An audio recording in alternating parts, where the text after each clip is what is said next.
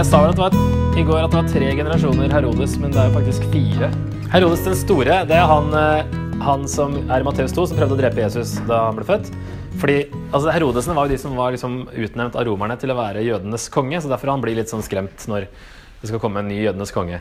Men han døde altså da ifølge andre kilder i år fire før Kristus, så derfor må vi kanskje flytte Jesu fødsel til før år null, i hvert fall. Hvis han skulle drepe alle barn opp til to år en gang før, altså senest fire før Kristus, så er Jesus kanskje født i år seks eller sju. Før Kristus. Ok, eh, Og så er det sønnen hans, som er Antipas. Eh, som da til 39 etter Kristus. Han er da han som drepte døperen Johannes, og som forhørte Jesus. Og han kjenner vi jo kanskje like godt til som den første faren hans, som var den onde. Så det blir jo en tittel, dette her, som de tar akkurat som Cæsar og blir en tittel. Etter Julius Cæsar så heter alle keiserne Cæsar. Um, og det her blir også en sånn enten et slektsnavn eller en tittel, som alle heter Herodes. Et eller annet. Og så er det Herodes Agrippa den første fra år 37. Altså disse overlapper lite grann med Antipas fordi han blir altså det er, Dette er nevøen til Antipas. Sønnesønn av Herodes den store, så det er liksom tre generasjoner likevel. Men han her ble såkalt fjerdingsfyrste, som det heter, som en tetrark på gresk. Um, da Antipas ble sendt i eksil. Derfor overlapper det litt sånn med noen år. Han som drepte Jakob i Apostels gjerninger 12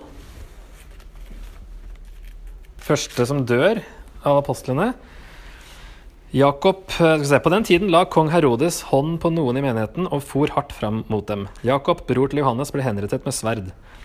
Da Herodes merket at jødene likte dette, gikk han videre og fikk grepet Peter også, osv. Ja, setter Peter i fengsel.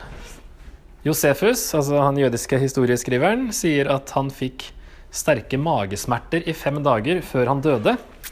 Og han beskrives jo, det beskrives her at han dør. Eller at han eh, Det sies i hvert fall at han dør i, i Apostelens gjerninger 12. I 1223 at han, eh, si, han eh, ble slått av Herrens engel fordi han ikke hadde gitt Gud æren, og han ble spist opp av mark og døde. Så det kan ha vært en sammenheng her, at det, er, det var mark som var de magesmertene. Høres ut som at han dør på flekken her i Apostelens 12, men det kan jo være at han det bare beskriver at han døde pga. Eh, at han ble spist av mark. eh, at det var de magesmertene som Josefus snakker om. Og så er det eh, sønnen hans igjen, Agrippa den andre. Han var da konge ganske lenge, fra år 50. Vet ikke helt hvorfor det ikke fortsetter der fra år 44. Det må jeg undersøke. um, og han var til stede under Paulus sin rettssak, så han dukker opp i Apostelens gjerninger 25. Så bare for å ha tatt det, at det er fire, fire Herodeser i Nytestamentet.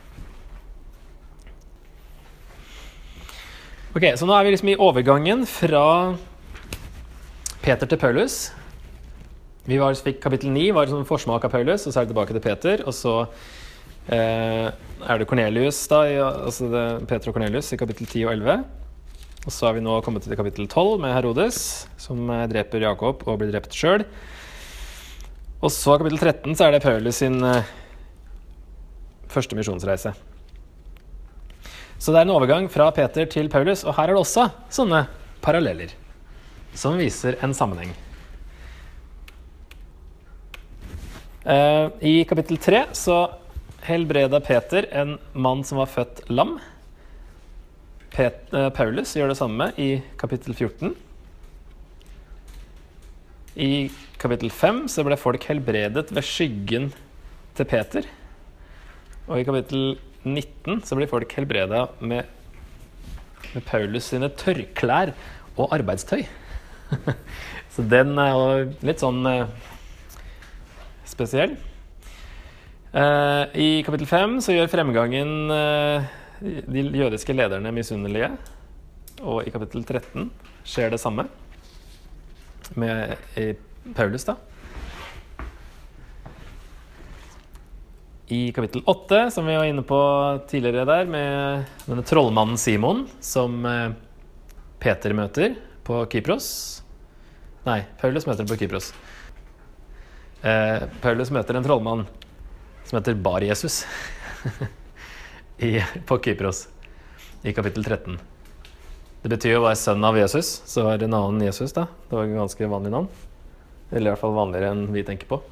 Så han eh, Og interessant at Paulus kaller ham for eh, 'du djevelens sønn', sier han i når han konfronterer ham. For å lage en tvist på det at du er ikke du er ikke sønn av Jesus, så å si. Du er sønn av djevelen. Så det er en parallell der. Begge møter en trollmann. Og så har vi eh, Tabita, som reises fra, opp fra døden, av Peter i kapittel 9. Og så er det det andre gangen noen reises opp fra døden, er han Eftykos. Er det noen som husker hvem det var? I kapittel 20. Det er egentlig litt komisk historie, så det er bra at eh, det er happy ending.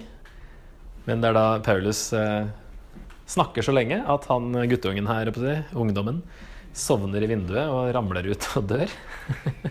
Men heldigvis blir det vekka til live igjen. da. Så det går an å sovne selv når, Peter, når Paulus eh, snakka. Og Peter i kapittel 12, som vi da var inne på så vidt, han blir befridd fra fengsel mirakuløst med engler og sånne ting. Og det samme skjer med Paulus i Filippi i kapittel 12. 16.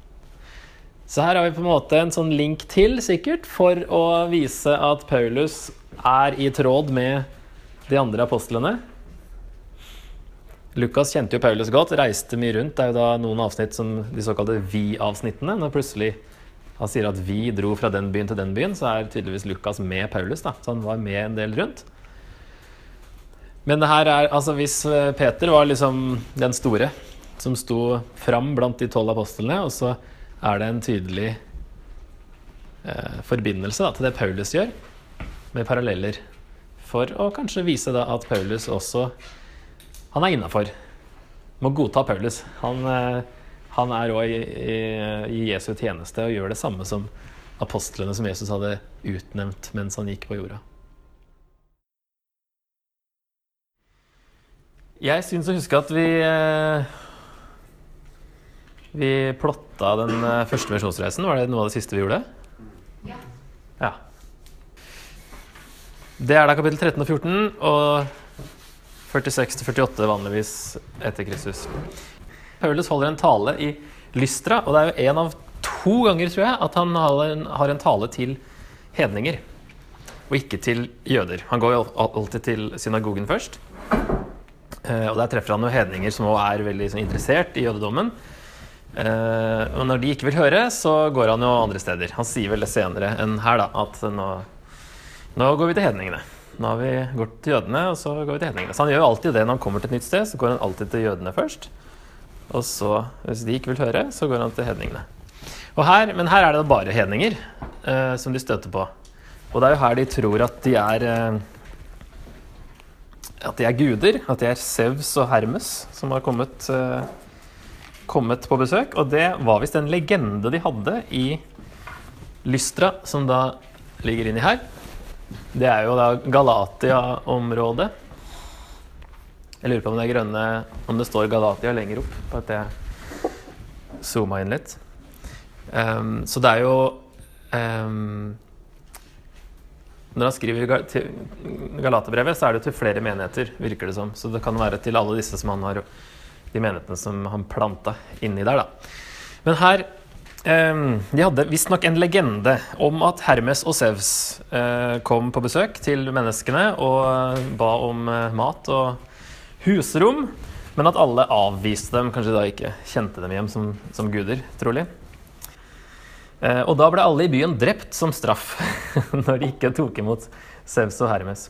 Så det her er kanskje i eh, bakhodet da, på folk når de ser eh, disse miraklene skje, så tenker de at nå har gudene kommet, og nå må vi ikke gjøre som i den legenden. Her er det han eh, sorry, I Lystra var det en mann som ikke hadde kraft i føttene. Det er han som, eh, som blir helbreda, som vi så på tidligere, som er en link til eh, det Peter og Johannes gjør vel tidligere i kapittel 3. At det er en lam der også som blir helbreda. Han hadde vært lam helt fra mors liv og hadde aldri kunnet gå. Denne mannen hørte på da Paulus talte. Paulus så ham rett inn i øynene, og da han skjønte at han hadde tro så han kunne bli helbredet, ropte han, Reis deg opp og stå på føttene. Da sprang han opp og gikk omkring. Folkemassen så hva Paulus hadde gjort, og satte i å rope på lykaonisk. Gudene er blitt som mennesker og er kommet ned til oss. Og de kalte Barnabas for Sevs og Paulus for Hermes, siden det var han som førte ordet. Her Hermes var jo den eh, tale... Jeg vet ikke om han er talegud, men at det har noe med budskap å gjøre, da. Eh, presten ved Sevstempelet like utenfor byen kom til byportene med okser og blomsterkranser og ville ofre sammen med folkemengden. Men da apostlene Barnabas og Paulus hørte det Her er det apostlene Barnabas og Paulus. Her kalles jo Barnabas en apostel. Flerret i kappene sine, løp fram i mengden og ropte Hva er det dere finner på? Vi er jo alminnelige mennesker, akkurat som dere. Vi forkynner dere evangeliet, at dere må vende om fra disse tomme gudene til en levende gud han som skapte himmel og jord og havet og alt som er i dem. Han tillot nok i tidligere tider alle folkeslag å gå sine egne veier.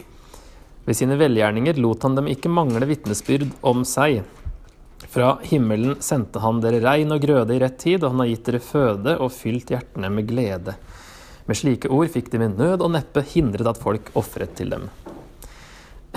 Men da det kom noen jøder fra Antiokia og Ikonium, da fikk de mengden over på sin side og steinet Paulus. Det var raskt sånn fram og tilbake, og det stemmer kanskje litt med galaterne. De var litt sånn vinglete i brevet òg, virker det som. Paulus uh, åpner med at uh, det undres, eller jeg undrer meg over at dere så fort har vendt dere bort til et annet evangelium som ikke er et evangelium. Um, så ja, De slepte ham utenfor byen og trodde han var død, men disiplene slo ring om ham, og han kom seg opp og gikk inn i byen. Neste dag dro han ut til Derbe sammen med Barnabas.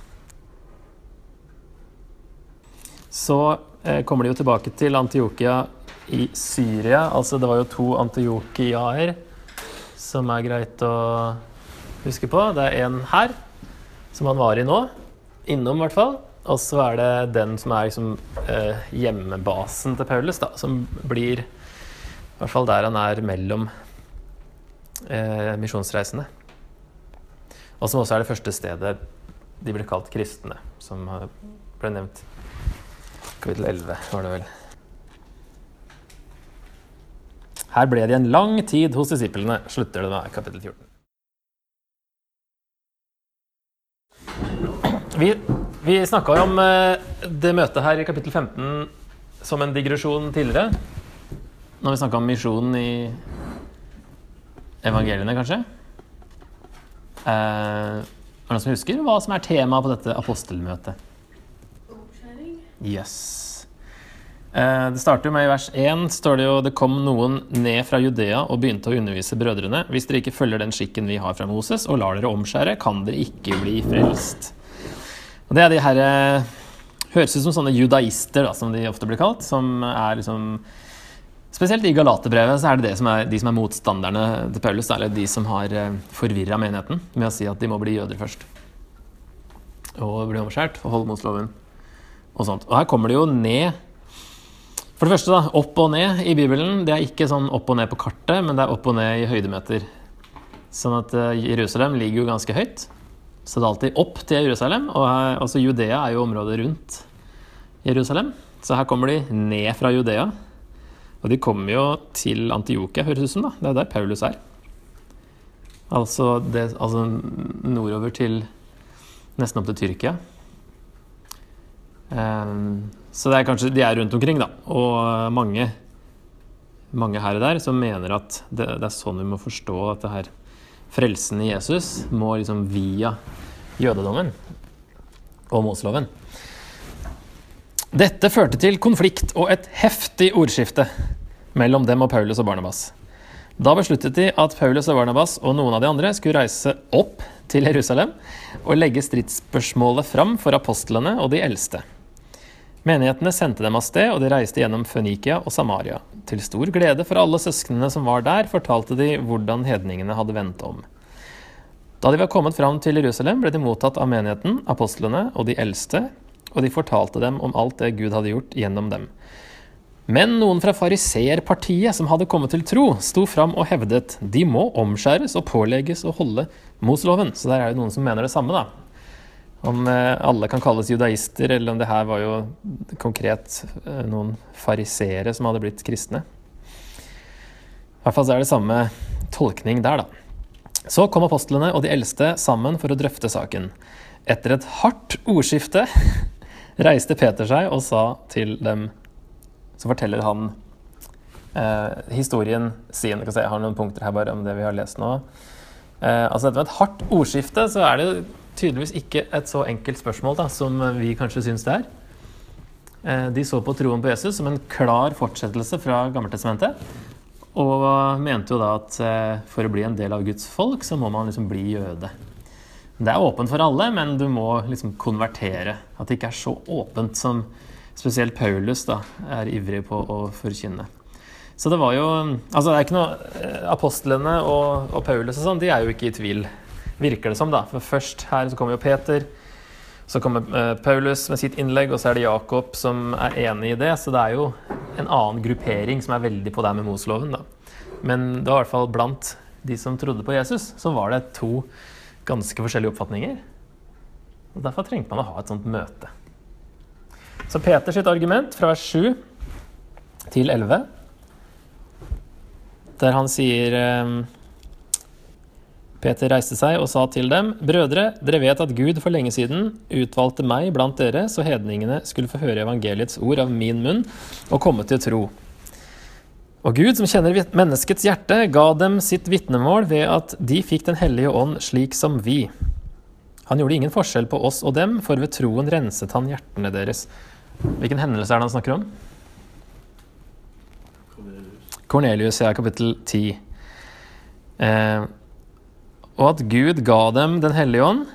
Det var der Gud liksom eh, gjør det på den måten for å vise at det er helt greit for hedningene eh, å bli en del av Guds folk uten å bli jøder først.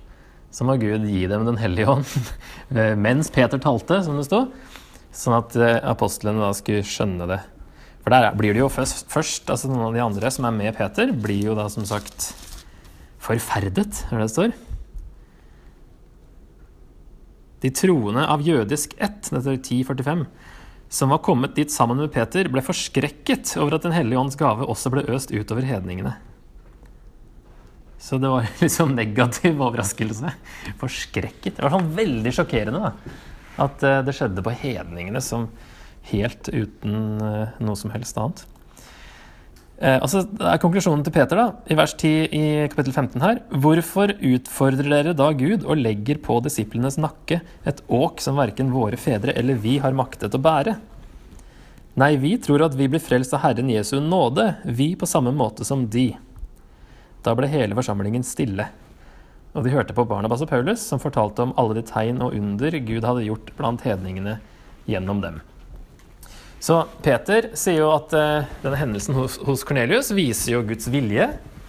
At han ikke diskriminerer hedningene, men renset dem ved troen, som han sier, og ga dem Den hellige ånd. De fikk Den hellige ånd slik som vi. Og det å legge loven til blir jo da å sette Gud på prøve. Hvis Gud har vist sin vilje her, at de skal bli frelst uten loven, og så kommer mennesker og legger til loven, så er det å sette Gud på prøve. Det er jo et bud i Moseloven om å ikke gjøre det. Og han sier jo det samme om Ananias og Safira. De òg satte Gud på prøve, og det var ganske alvorlige konsekvenser. Så eh, for Peter så var det ganske tydelig hva som hadde skjedd hos Kornelius. At uh, der hadde Gud vist hva han, hva han mente om dette her. Og da kan ikke vi komme med noe annet.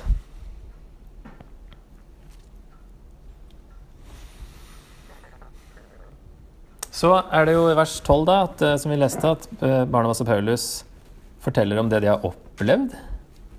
Om at Gud har gjort tegn og under blant hedningene. Så de støtter Peter og kommer da med flere bevis på at Gud ikke krever omskjærelse eller loven. Og så er det Jakob som liksom konkluderer det. Han som da eh, Jakob her er jo sannsynligvis eh, Jesu halvbror, han som skrev Jakobs brev. Det var jo to apostler som het Jakob. Han ene han døde i kapittel 12, som Herodes eh, drepte. Eh, broren til Johannes i 12.2. Første som blir martyr. Eh, og så er det den andre eh, sønnen av Alfeus, har han hett. Som eh, kan ha vært han Jakoben her, da, men han er liksom aldri inne i bildet noe annet sted. Så man tenker at han hadde kanskje ikke den innflytelsen. Uh, og at uh, Det er en lang tradisjon da, på at han Jakob her i kapittel 15 og Jakobs brev er uh, Jesus sin jordiske halvbror, som da ble omvendt etter at Jesus sto opp igjen. Han trodde ikke på Jesus før det, men så blir han da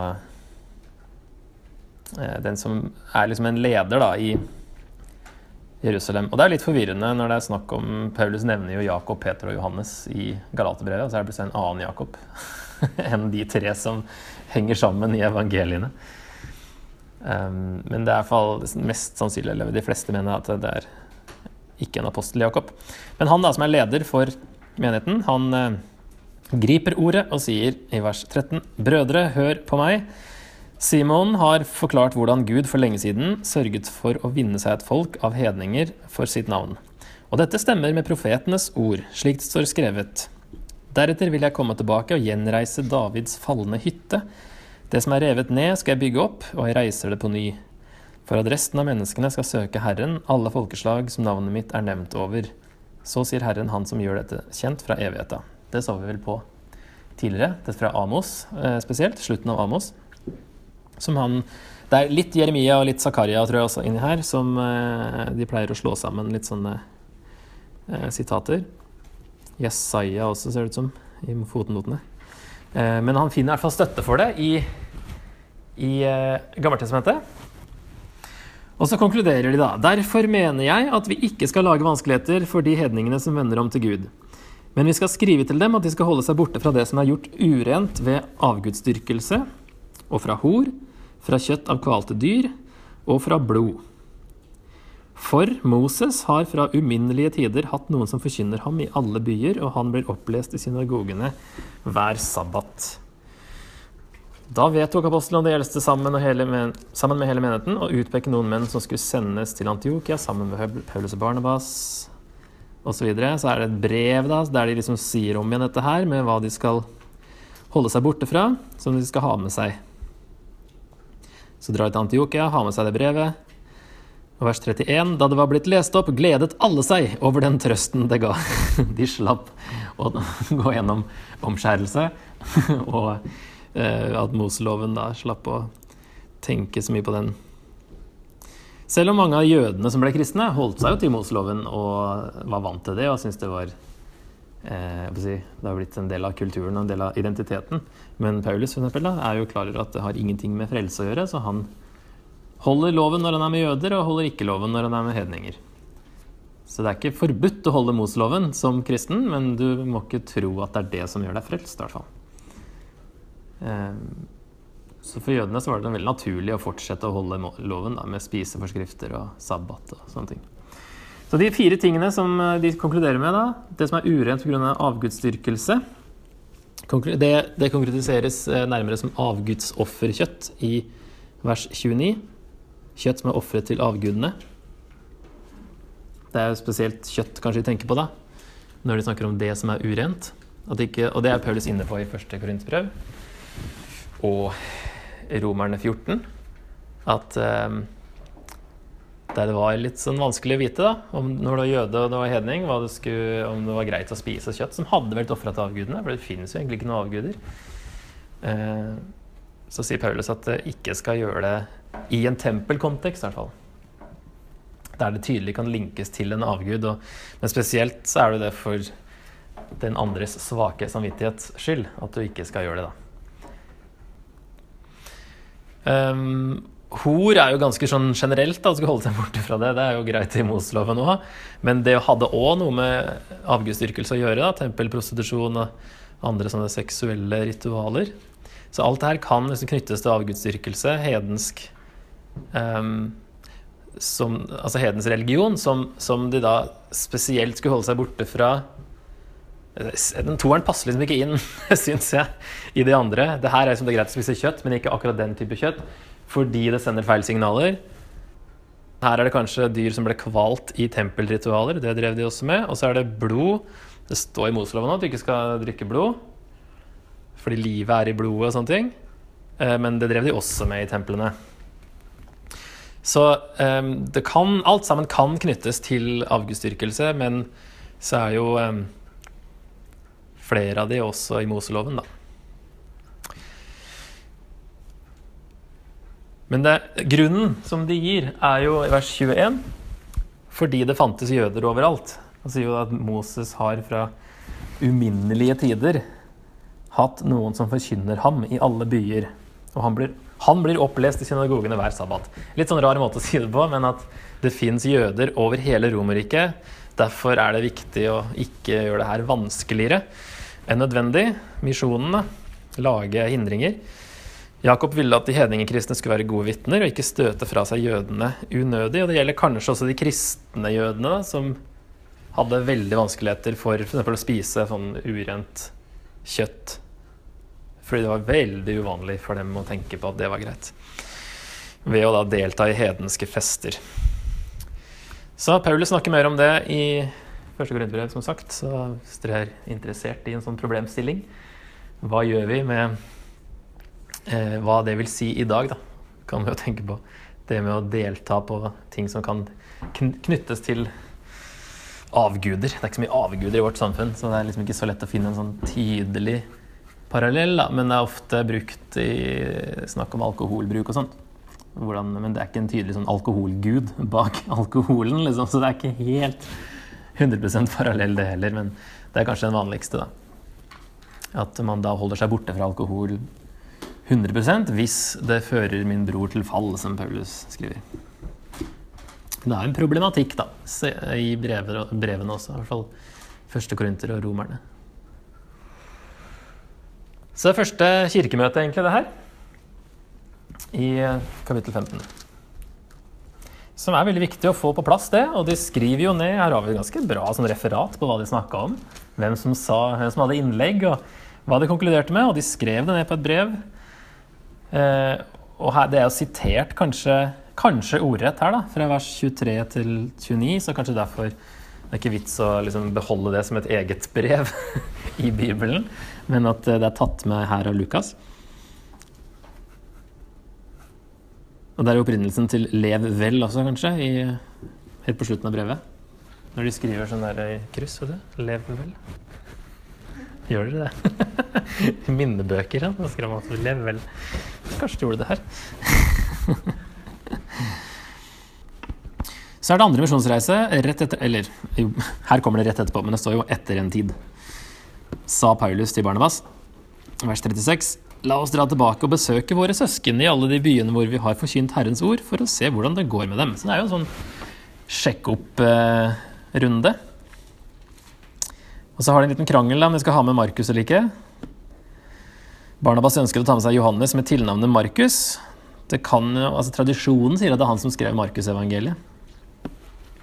Men Paulus har bestemt på at han, han skulle de ikke ta med. Han som hadde forlatt dem i Pamfylia og ikke gått med dem i arbeidet der. Det ble en så bitter strid mellom dem at de skilte lag. Barnabas tok med seg Markus og seilte til Kypros, mens Paulus valgte å ta med Silas. Så dro han av sted etter at brødrene hadde overgitt ham til Herrens nåde. Han la veien gjennom Syria og Kilikia og styrket menighetene der. Det er jo, her er liksom en bitter strid pga. Markus.